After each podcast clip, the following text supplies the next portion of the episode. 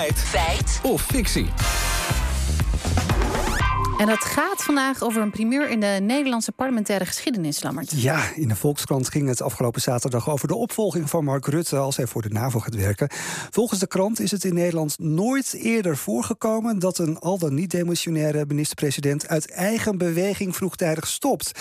En nog een interessant detail: Nederlandse premiers zouden ook nog nooit in het harnas zijn gestorven. Oké, beide situaties zijn dus nog nooit voorgekomen. Nee, nou dat zijn we gaan uitzoeken. Alvast goed om te weten: sinds 1945 wordt de functie officieel met minister-president aangeduid.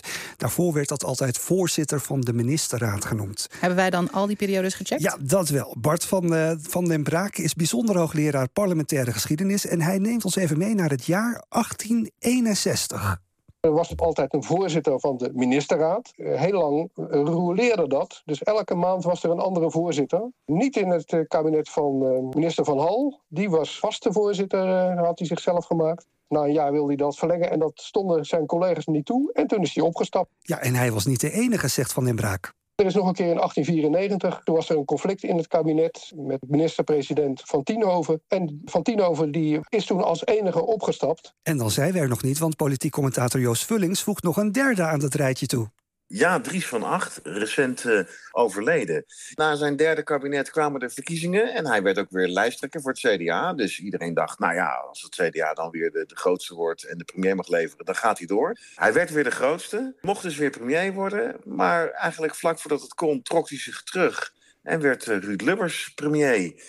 Oké, er wordt dus ook gezegd dat Nederlandse premiers nog nooit in het harnas zijn gestorven. Klopt dat wel? Ja, voor de duidelijkheid, dat wensen Rutte natuurlijk niet toe. Maar nee, ook dat is gewoon gebeurd, zegt Van den Braak. Thorbecke die is uh, overleden terwijl hij uh, voorzitter van de ministerraad was. Die had in 1871 weer een kabinet gevormd, maar uh, ja, werd eigenlijk ziek. Er is ook nog wel een tijdje bij hem in huis vergaderd. Maar ja, hij was natuurlijk ook al redelijk op leeftijd, dus die is toen overleden. En een van de andere ministers die is toen voorzitter van de ministerraad geworden. Maar goed, toch is deze situatie rondom Rutte nu wel uniek, zegt Joost Vullings. Ja, het is toch iemand die, die, die vertrekt omdat hij gewoon een andere baan heeft. Dus niet iemand die zegt ik ben moe of uh, iemand die, die overlijdt. Nee, het is gewoon iemand die zegt ja, ik ga wat anders doen. En in die zin is het wel bijzonder. Het is met ministers wel eens voorgekomen, maar met premiers niet. Oké, okay. het is nog niet zover. Hè? Hij nee. heeft de baan nog niet. Nee. Laten we nog niet uh, denken dat het zover is. Nee, Ook hij niet. niet. Stel, hij gaat aan de slag voor de NAVO. Wie volgt hem dan op? Nou, daarover hoeven we volgens Vullings niet langer meer te speculeren.